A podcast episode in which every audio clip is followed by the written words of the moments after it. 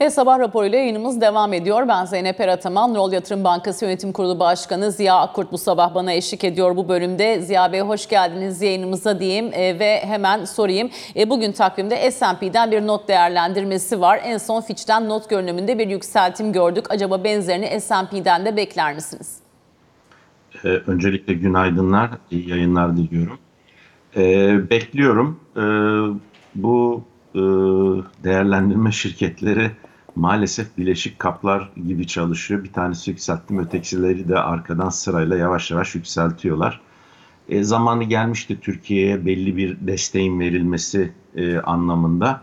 E, alınan önlemler de şimdilik e, umut vaat edici.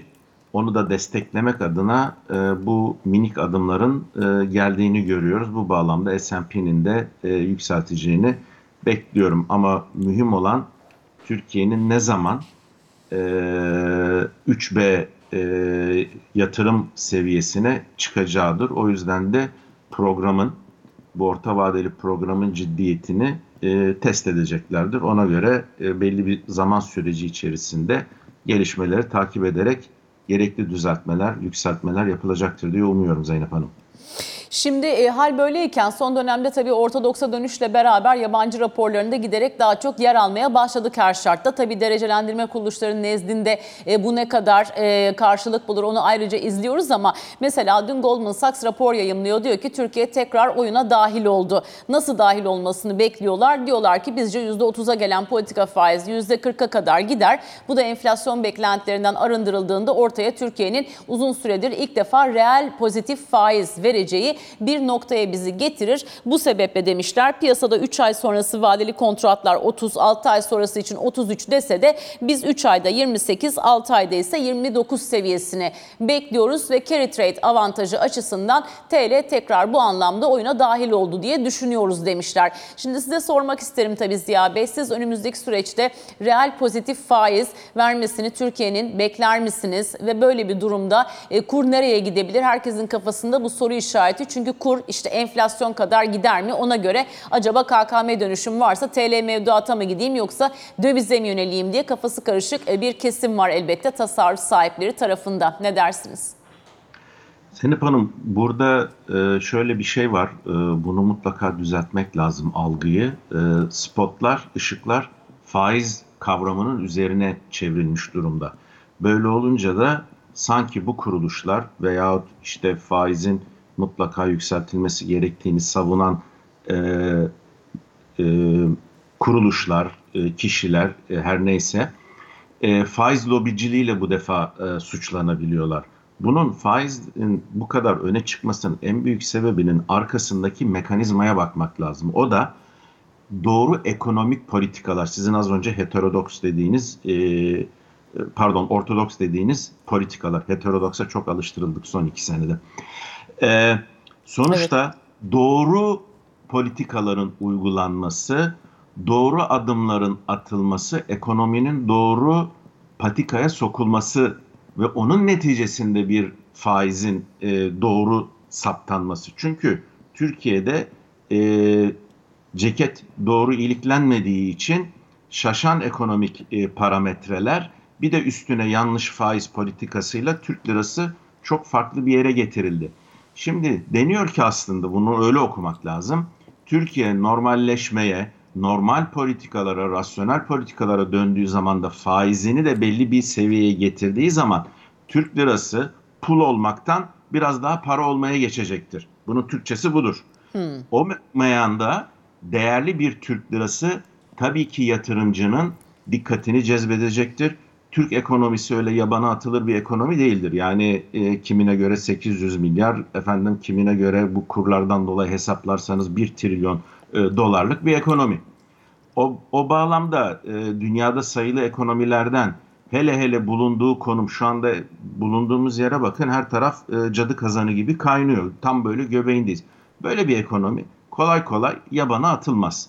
Değerli hı hı. bir ekonomidir. Bunu maalesef uygulanan yanlış politikalarla değersiz hale getirmiştik ama şimdi tekrardan bunu toparlıyoruz. Bu meyanda da yabancı e, kuruluşların, yurt dışı kuruluşların dikkatini cezbediyor. Bu zaman içerisinde onların daha fazla radarına girecektir. Bu küçük gelişmeler diyelim, sinyaldir. E, bunun ileride daha iyi hale, haliyle de reyting kuruluşları da bunu dikkate e, alıyorlar. Şimdi burada herkesin diline pelesenk olmuş yabancı yatırımcı, yabancı yatırımcı, yabancı yatırımcı. Yabancı yatırımcı niye gerekli? Çünkü biz yeteri kadar tasarruf edemeyen, o tasarruflarını da doğru yatırımlara e, kaydıramayan bir ülkeyiz. O yüzden yurt dışından gelecek olan yatırımlar, yatırımcılar çok önemli olduğu için politikaların kitaba göre yapılması ve uygulanması gerekiyor. Yurt dışından beklentiler de bu yönde. Yoksa işte Türk ekonomisi bir iner bir çıkar araya yabancı yatırımcı dediğimiz bana benim tabirimle pirana e, tip yatırımcılar girerler. iki parça alır götürürler. Türkiye onlara para kazandırmaktan kendi servet transferinden e, başka bir şey yapmayan ülke haline e, geliriz. Halbuki biz dünya ekonomisinde yerini alan, e, yatırımcıları cezbeden, bunun karşılığında da halkın refah seviyesini yükselten bir ülke olmalıyız. Ona göre de uygun politikaları uygulamalıyız. Şimdi bu yönde adımlar atıldı. Devamını bekleyeceğiz Zeynep Hanım. Peki bahsettiğiniz piranalar önce banka hisselerine mi tahvile mi gelir? Onlar için e, öncelikle borsadadır. Çünkü tahvil uzun vadeli bir yatırımdır. E, banka hissesi de olabilir, sanayi hissesi de olabilir. Nerede fırsat bulurlarsa yeter ki e, bir parça koparabilecekleri bir e, e, olay olsun, bir e, yatırım olsun. Ona gelirler ve giderler. Hatırlayın ilk faiz artışı yapıldığında olumlu bir hava esmişti.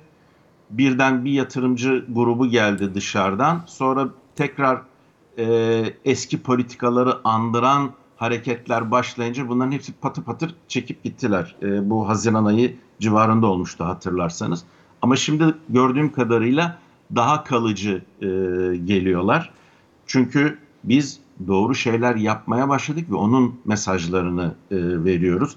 Yatırımcılarla yapılan görüşmelerde boş vaatler veya orada tatlı kulağa hoş gelenler e, şeyler söyleyip e, daha sonradan dönüp Türkiye'de tam aksini şu ana kadar yapmadığımız için bir güven oluşturmaya başladığımız için tabii ki dikkati e, çekiyor. Umuyorum e, yine bir finansal merkez olan Londra'da ayın 3'ünde 4'ünde yapılacak toplantılardan da e, Mehmet Şimşek Bey'in başarılı bir e, sonuç alacağını bekliyorum Zeynep Hanım.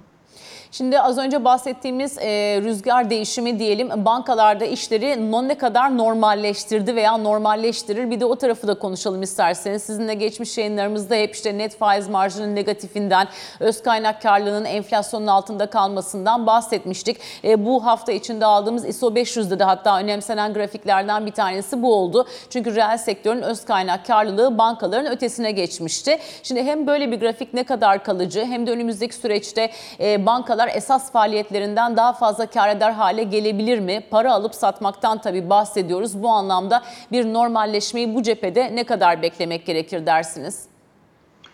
Ee, Zeynep Hanım maalesef e, enflasyon muhasebesinin uygulanmaması işte İSO'nun da e, tablosunu çok güzel gösteriyor.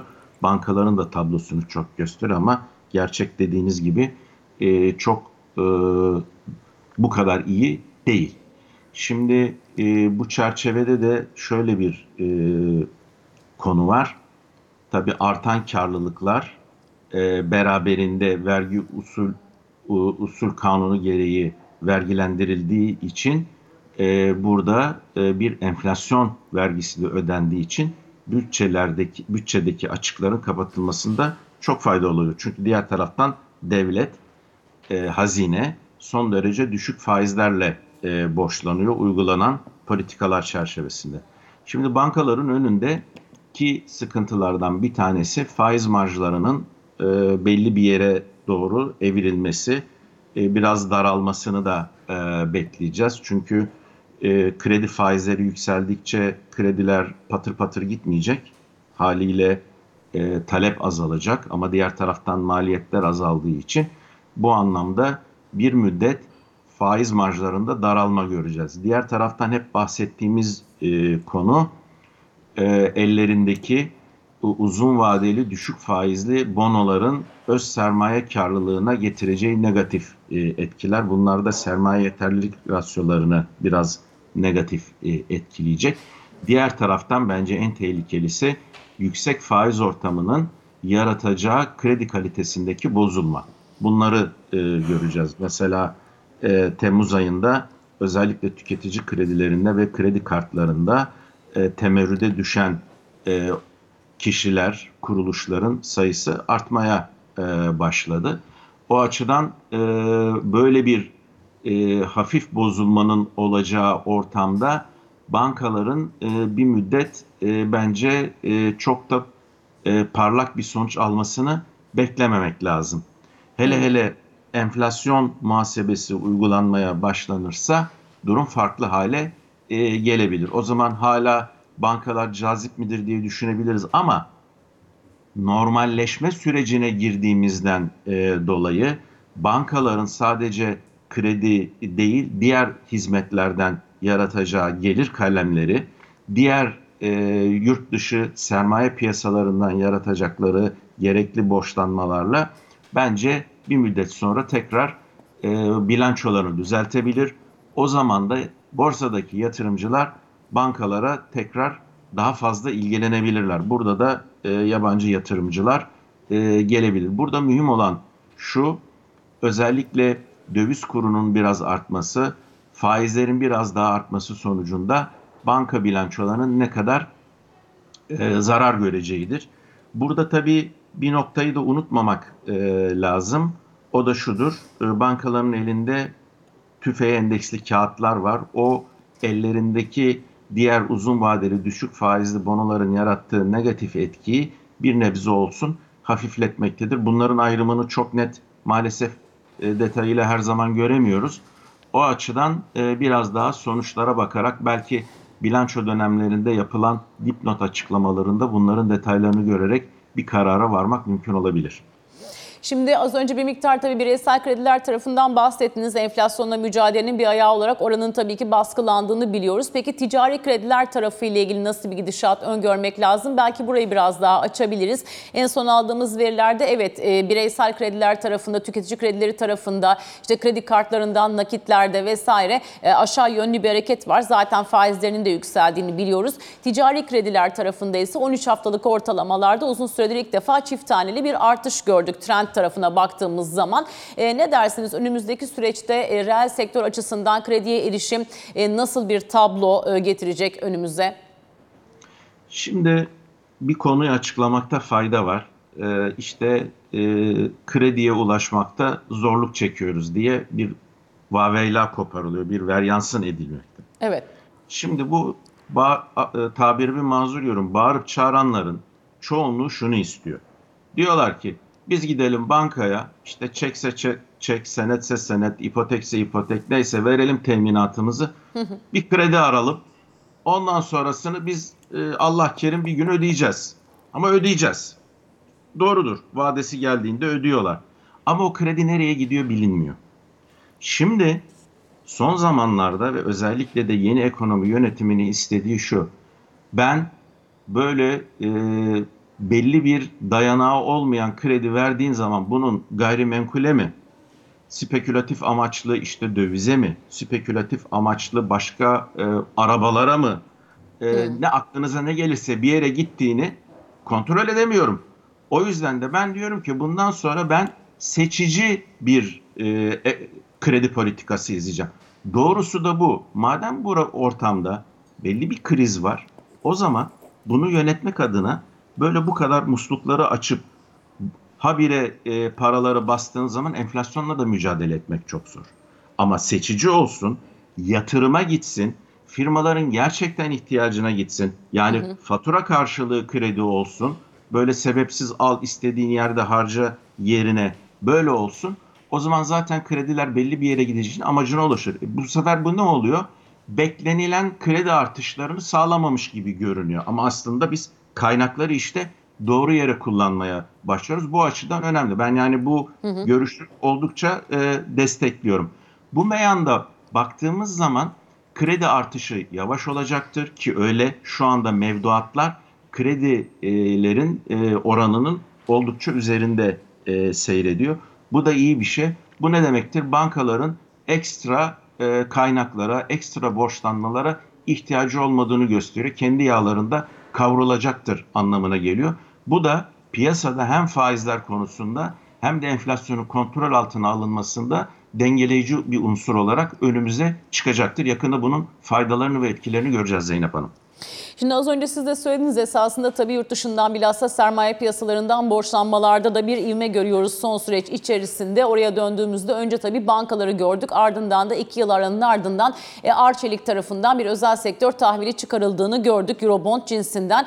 E, baktığımız zaman önümüzdeki süreçte e, size göre burada biraz daha hızlanma olur mu? Daha fazla banka, daha fazla reel sektör ismini e, Eurobond piyasasından borçlanırken e, görecek miyiz? E, ve tabii yatırımcı için özellikle dövizi olan yatırımcı için burası e, cazip bir yatırım seçeneği olur mu sizce diye soracağım. Çünkü bir taraftan da Amerika başta olmak üzere gelişmiş ülkelerde de tahvil faizlerinin yükseldiği bir süreçteyiz. Aradaki marş sizce e, yatırımcıyı tatmin eder mi?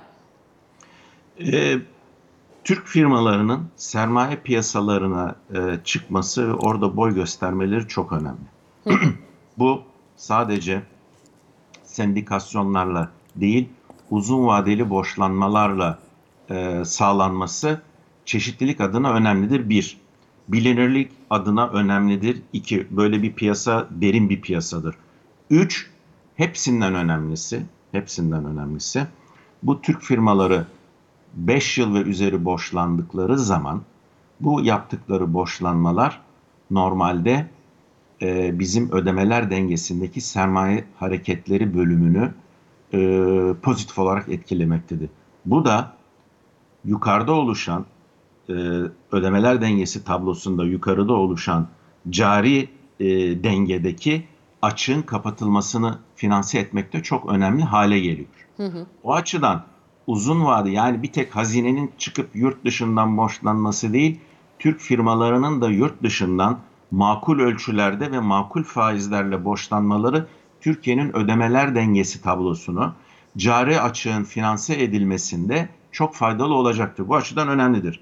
Hı hı. Arçelik e, çok başarılı bir e, borçlanma yapmıştır. %8 dolayısıyla bunun en büyük sebebi Arçelik'in üretiminin sadece Türkiye değil ağırlıklı bir de yurt dışında çok e, yaygın ve e, derin olmasından kaynaklanıyor. O yüzden onun risklerini azalttığından 8.75 gibi bir rakamla. Bugün hı hı. Dünyanın sayılı şirketlerine baktığımızda 6-7'lerle borçlandığı zaman Arçelik'in bu durumu çok iyidir. Türk firmaların diğerleri eğer dövize bağlı veya riski dağıtacak e, önlemleri veya yatırımları veya operasyonları yoksa bunun biraz daha üstünde işte 9 ile 10 ile borçlanmak gibi e, bir yola gideceklerdir Zeynep Hanım. E, şimdi bu tabii e, önemli. Neden derseniz bir taraftan da Amerika'da dedik mesela tahvil faizleri yükseliyor. İşte 2 yıllıkta %5'in üstünü konuşuyoruz. 10 yıllıkta dün 4.68'lere kadar gittik. E, geçen haftalarda gazetelerde çıkan haberler vardı. Geçen sene negatif reel faiz ortamında Türk yatırımcısı yurt dışını tercih etti diye. ve buraya giderken de daha çok para Amerikan borsalarını ve Amerikan tahvilini adres olarak göstermiş. Özellikle Amerika'da tahvilde ciddi bir portföy artışı var Türk yatırımcıların. Şimdi bu açıdan baktığınız baktığınızda Amerika'da tahvil faizine tırnak içinde risksiz gözüyle, güvenli liman gözüyle bakıldığı için e, sormak isterim. Aradaki marş e, bir Türk şirketine veya Türk devletine bizim Eurobondların faizlerinden de yola çıkabiliriz. E, yatırım yapmaya haklı çıkaracak bir e, fark mıdır risk primi açısından baktığınızda? Şimdi getiri açısından evet ama risk dediğiniz zaman şöyledir. Diyelim ki birinin 100 e, milyon doları vardır. Bunun 50'sini Türk bonosuna yatırır ileride acaba e, sıkıntı olur mu diye belki 50 milyon dolarını da işte Amerikan hazine bonolarına e, yatırabilir. Bu bir risk anlayışı ve değerlendirmesidir ama getir anlamında baktığınızda tabii ki Türk e, bonoları daha yüksektir. Ama ben şunu söyleyeyim, buradan yatırımcılara da e, duyurayım. E, bu yeni e, ekonomi politikaları gösteriyor ki kolay kolay seçimden sonra bile değiştirilecek bir vaziyette değil. Hı hı. Çünkü e, bunu söylemeye üzülüyorum ama eğer bu yeni politika anlayışı gelmeseydi, bu yeni takım gelmeseydi Türkiye hızla moratoriuma doğru gidiyor gibi görünüyordu. E, yani köşesinden döndük diyelim. O açıdan bence bunun farkına varıldı. Bundan kolay kolay da dönülmeyeceği için en azından bir 5 sene yeni bir seçim olana kadar Türkiye bence güvenli bir liman olarak Türk yatırımcısı tarafından en azından görülmeli ki bunu e, yabancı özellikle de hedge fonlar çok daha rahat gördüğü için yüksek getirili Türk bonolarına 8'li 9'lu hatta bazı firmaların çıkacaklar işte 10 diye göreceğiz de bunlara yatırım yapmaları mümkün olacaktır, cazip olacaktır. Buna göre e, bence iyi bir e, yatırım e, enstrümanı olacaktır. O açıdan cazip olacaktır ama dengeleme adına bir kısım oraya gidecek. Yani yumurtaların hepsini tek sepete koymayacaktır. Bu Türk yatırımcı için de geçerlidir. Zaten yabancı yatırımcı için de geçerlidir. Dengeleme yaparlar, risk e, sepetini ayarlarlar. O açıdan ben yine de e, Türk e, bonolarına e, iyi bir talep geleceğini umuyorum. Özellikle de uzak doğudan gele, gelebilir. Buna e, özellikle e, bono ihraççıları dikkat etsinler. Uzak doğu piyasasını ihmal etmesinler. Özellikle Japonya gibi sıfır faizin olduğu bir yerde Türkiye gibi sicili temiz bir ülkenin %10-12 ile borçlanan firmalarına bence ilgi göstermeleri gerekir diye düşünüyorum. Şimdi dün bu arada Ekonomi Koordinasyon Kurulu da toplandı. Orada pek çok başlık ele alındı ama sermaye piyasaları açısından baktığımızda TL enstrümanlarının çeşitlendirilmesi başlığı bir kez daha ele alınmış gözüküyor. Sizinle geçen yayınlarda da ele aldık. İşte süper bono olur mu? İşte hükümet olmayacak dedi vesaire. Bir de tabii kur korumalı mevduata alternatif bir diğer devin yaratılmamasının daha önemli olacağını siz de e, yanılmıyorsam geçen yayınlarımızda ifade etmiştiniz Ziya evet. Bey. Şimdi sabah Erhan Aslanoğlu ile sohbet ediyorduk. Hoca da e, sizinle hemfikir bir görüş ifade etti. O dedi ki belki enstrüman çeşitlendirilmesinden ziyade mevcut enstrümanlara bir tatlandırıcı e, verilerek belki daha cazip hale getirilmesi söz konusu olabilir dedi. İşte mesela TL mevduat tarafında işte zamanında stopajın sıfırlandığı durumlar da görmüştük. Belki benzer bir şey söz konusu olur mu diye tartıştık. Şimdi bu anlamda dünkü EKK'dan çıkan TL cinsi enstrümanlarda çeşitlendirme başlığını e, siz nasıl okudunuz? E, Merkez Bankası da bu hafta söyledi. TL enstrümanların portföylerdeki yüzdesini artırması yönünde çalışmalar yapacağız dediler. E, buradan nasıl bir sonuç çıkarmalıyız? Şimdi az önce sizinle e, uluslararası sermaye piyasalarını e, konuşmuştuk. Özellikle oradaki e, tahvil ihraçları konusunu. Evet. Türkiye'de özel sektör e, tahvil ihraçları konusunda çok ciddi adımların atılması lazım. Ben bunu yıllardır e, söylüyorum. Bir defa her önüne gelen tahvil ihraç edememeli bunun çok iyi sık elenip dokunulması lazım. Oranın güvenli bir piyasa olduğunu e, özellikle SPK'nın sağlaması lazım. Bunun için de çok ciddi reytinglerin oluşturulması ve yapılması e, gerekiyor. Eğer biz özel sektör tahvilleri piyasasını sağlam bir zemine oturtur, bunun hatta ve hatta gerektiğinde Merkez Bankası tarafından bazılarının, hepsinin değil tabii ki, teminata alınacak şekilde sağlam hale getirebilirsek oradaki TL enstrümanlar gelişir. Orada şu kuralı koyarlarsa belki çok da cazip hale gelebilir.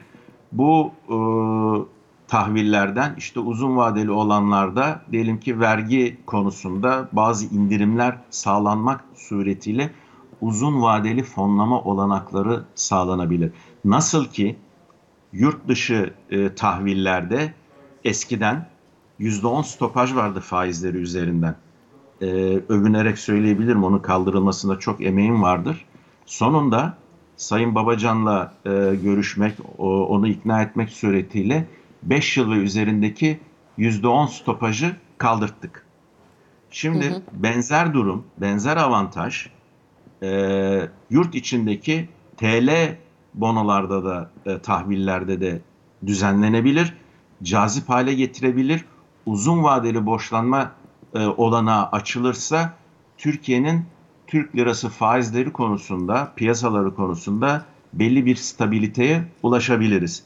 Benzer konunun bence e, yurt dışı bonolar gibi yurt içindeki bonolar içinde mutlaka düşünülmesi lazım. Ama öncelikle ve öncelikle ihraç eden kuruluşların sağlamlığı, kuralların katılığı ve bizim daha bundan 7-8 sene evvel yaşadığımız maalesef batak tahvil olayının gündemden mutlaka kaldırılması lazım.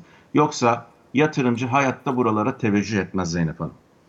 E, son not e, Ziya Bey 2-3 dakikamız kaldı. Orada da e, petrolü konuşmadan geçmeyelim. Çünkü bütün dünya Amerikan tahvil faizindeki yükselişle beraber tabii petrolü konuşuyor. Çünkü burada 100 dolar senaryoları gündeme geldiği için enflasyonla ilgili ve dolayısıyla faizlerle ilgili hesaplarımız bozulacak diye bakıyorlar konuya. Ama biz tabii sadece enflasyon değil bütçe ve cari denge açısından da önemli bir parametre olarak görüyoruz. Kaldı ki şu anda piyasada işlem görülen seviyeleri de ne kadar kalıcı görmek o da bir soru işareti ama bu rakamlar bizim varsayımlarımız içerisinde yok. E, o yüzden size ne düşündürüyor merak ediyorum.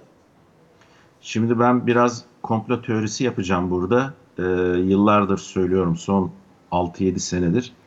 Ee, Çin'in e, bir şekilde önünün kesilmesi diye bu yükselen petrol fiyatları, enerji fiyatları Çin'in belini bükmekte. Ee, yani bu petrol fiyatlarının yükselmesi Amerika'dan e, ziyade en başta Çin'i e, vurmakta. Daha sonra da Avrupa'yı vurmakta. Tabii bizdeki dengeleri de e, bozuyor ama e, bu geçici bir süre olduğunu ben e, düşünüyorum. Sonuçta e, gelmeyen bir talep, yüksek petrol fiyatı hiç kimsenin işine e, yaramayacaktır. Ama Çin'deki dengeleri siz de konuşuyordunuz zaten az önce e, bozulduğunu e, görüyoruz. O açıdan e, bunun be- belli bir seviye inmesi lazım. Burada oyunu bozacak 3-4 tane e, nokta var. Bir tanesi Kanada'nın petrol üretimini arttırması. İkincisi Venezuela'nın tekrar e, petrol piyasasına girmesi. İran'la Amerika flört ediyor. İran petrolü devreye girebilir. Bir de hiç kimsenin aklına gelmediği kenarda köşede kalmış bir konu var. O da Türkiye. Ne alaka var diyeceksiniz. Şu anda Kerkük yumurtalık petrol hattı kapalı olduğu için en az 400 bin varil petrol piyasadan akmıyor. Eğer Türkiye ile Irak yönetimi anlaşırsa orada bazı e, sıkıntılar var ekonomik ve politik. Onlar giderilirse bu petrol fiyatlarının aşağı edilmesinde Türkiye'nin de bir nebze olsun payı olacaktır Zeynep Hanım.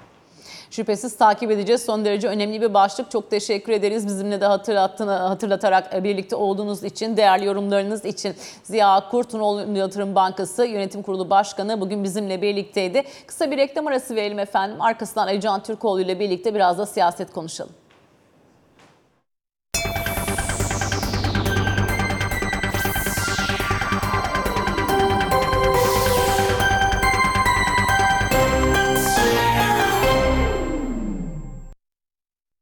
Ve Ali Can Türkoğlu Bloomberg KT Genel Müdürü Arsabı olduğu üzere sabah raporunda Ali Can günaydın. Günaydın. Şimdi e, elektrikte azami uzlaştırma fiyat uygulaması 1 Ekim'den sonra uygulanmayacak diye bir kulis haberi var. Bunun detaylarını konuşalım istersen ne anlam ifade eder? Ee, evet 1 Nisan 2022'de Enerji Piyasası Düzenleme Kurumu tarafından devreye alınmıştı. En son Mart sonunda bir uzatma kararı verilmişti. Ancak işte sektör kaynaklarından aldığımız bilgiye göre ay sonundan itibaren yani 1 Ekim tarihi itibariyle artık bu uygulama kullanılmayacak gözüküyor. En son e, megawatt saat başına EPDK'nın aldığı karar şuydu. Doğalgaz santralleri için 2500 TL, 2550 TL, kömür santralleri için 1800, yenilenebilir kaynaklar için de 1700 liraydı. Şimdi hatırlayalım o dönem 1 Nisan 2022'de EPDK bu kararı aldığında hedef olarak amaç olarak şu belirtiliyordu aslında. Ee, küresel gelişmelerden kaynaklanan özellikle savaştan kaynaklanan doğalgaz ve işte kömür gibi enerji ham maddelerindeki maliyet artışları e, arz güvenliğini sekteye uğratmasın. Tüketici grupları bu artışlardan faydalansın diyordu EPDK. Ancak eleştiriler de gelmişti. Özellikle e, yerli kaynak üreticilerinden yabancı kaynak satıcılarına sübvansiyon olarak değerlendirilmişti mesela. Yerli kömür yakıtlı santrallerin üretim maliyetlerinin altında bir satış fiyatıyla satmak durumunda kaldığı, bunun da işte üretim arzını sıkıntıya sokabileceği yönünde eleştiriler de vardı ilk çıktığında. Ama sonuçta Mart ayında tekrar uzatıldı Ee, ve işte bu Eylül ayı itibariyle ne gibi bir ne nasıl bir karar verileceği bekleniyordu aslında sektör tarafından ve uzatılmama yönünde bir karar alındığı yönünde bilgiler ulaştı. Şimdi ne olacak? Tabii resmileştikten sonra buna ilişkin yorumlar daha net yapılır ama e, fiyatların işte arıza ve talebe göre daha net belirlenebileceği, e, işte maliyetin işe yansıyacağı. Dolayısıyla e, gerçek Herhalde fiyatın hisse üzerinde de etkisi olabilir mi bugün e tabii diye borsada tabii da kesin takip olacaktır. lazım değil mi? E, kesin olacaktır. gerçek fiyatın ortaya çıkacağı bir durum ortaya çıkacak, oluşacak diyor mesela sektördeki e, aktörler de. Dolayısıyla resmi açıklama bugün gelir mi kurumdan? Bugün en kaçı? 29'u. E, gelebilir çünkü hafta sonuna da girilecek. Evet. Ama e, aldığımız bilgi evet 1 Ekim'den itibaren artık elektrikte azami fiyat uygulaması bu mekanizma artık uzatılmayıp ortadan kalkıyor. Şimdi e, bir yandan böyle bir takvimimiz var. Diğer taraftan da dün MTV'de, ek MTV'de e, Anayasa Mahkemesi'nin karar günüydü. Burada kabaca %87 civarında bir tahsilat olduğunu e, zaten bu hafta içinde biz de haber özetlerimizde paylaşmıştık. Şimdi burada başvurunun iptali söz konusu oldu. Dolayısıyla daha doğrusu verginin İptal başvurusu iptaliyle reddedildi. ilgili başvurunun reddedildiğini hem de oy birliğiyle görmüş olduk.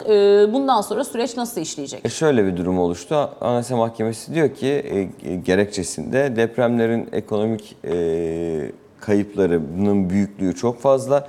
Dolayısıyla bu yüzden anayasaya uygunluk vardır. Yani ek vergi vergiden ek bir e, tek sefere mahsus deprem kaynaklı e, ek vergi alınması anayasaya uygundur diyor. Sen de söyledin. %87 araç sahiplerinin %87'si ödemiş zaten. Ben de Ö- ödedim. Ben de ödedim. Ve biz, biz o %13 içine Biz girmiyoruz. %87'deyiz evet. Şimdi ne oluyor? Ek motor taşıtlar vergisinin ilk taksitini 6 Eylül tarihine kadar ödemeyenler için e, aylık %2,5'luk gecikme faizi var. Bu bununla faizle beraber ödenecek. İkinci taksidi Aralık'ta mı ödeyeceğiz 30 en Kasım'a kadar. Kasım'a kadar. 30 evet. Kasım O son. da aklımızda Dolayısıyla hani bu süreçteki hani hukuki tartışma tarafı en azından kaybolmuş durumda gözüküyor AYM'nin e, kararıyla. Tartışılacaktır. Belki siyaseten de tartışılacaktır. Ancak ödensin mi ödenmesin mi soru işaretleri artık kayboldu. Şimdi dün bu arada takvimde iki önemli toplantı vardı. Ekonomi Koordinasyon Kurulu ve Milli Güvenlik e, Kurulu. İstersen bu toplantılardan çıkan başlıkları da bir turlayalım.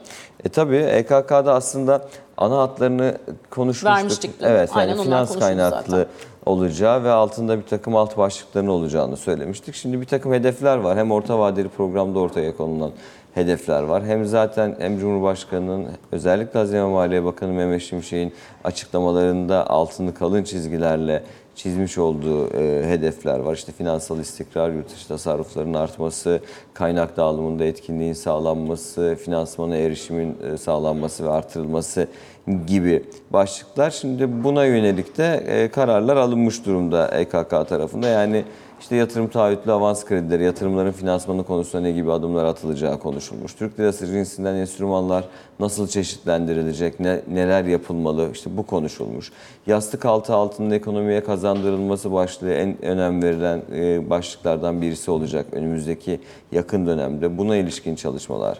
Yine Merkez Bankası öncülüğünde yürütülen dijital para çalışmaları vardı zaten. Bu konu yine gündeme gelmiş. Katılım Finans Çerçeve Kanunu çalışmaları ve Aile ve Gençlik Bankası. Aile ve Gençlik Bankası'nda Cumhurbaşkanı daha önceden de ifade Söylemişti. etmişti. Evet. Özellikle yeni evleneceklere faizsiz kredinin başlayacağı, deprem bölgesinin pilot bölge olarak seçildiği bir sistem. Bunlar konuşulmuş EKK'da. Ee, yansımaları ve her bakanlığın yani işte Hazine Bakanlığı, Sanayi Bakanlığı, Tarım Bakanlığı, Ticaret Bakanlığı, Merkez Bankası herkes vardı bu toplantıda. Dolayısıyla herkes kendi sorumluluğunu, kendi üstüne düşen alanla ilgili çalışmalarını yürütecek ve bir sonraki EKK'ya kadar da bu konularla ilgili zaten adımlar atılması da planlanıyor. İşte bugün mesela Cevdet Yılmaz'ın bu arada TESK Başkanlar Kurulu ile bir toplantısı olacak. Evet. Burada bir takım beklentiler vardı TESK tarafından. Özellikle e, bağ kurullara yönelik, primle yönelik açıklamalar, beklentiler vardı. Bunların karşılanacağına yönelik bir değerlendirme yapılmasını bekliyorum. Dolayısıyla toplantının ana hatları bu. Şimdi bununla ilgili ne gibi adımlar atılacak, ne kararlar verilecek onlara bakacağız. Ekim ayı çok hızlı geçecek gibi gözüküyor. Hepsini ve daha fazlasını yine bu yayınlarda konuşmak üzere diyelim. Ali Can Türkoğlu çok teşekkürler. Kısa bir reklam aramız var. Ardından yatırım bülteniyle Pelin Yantur karşınızda olacak.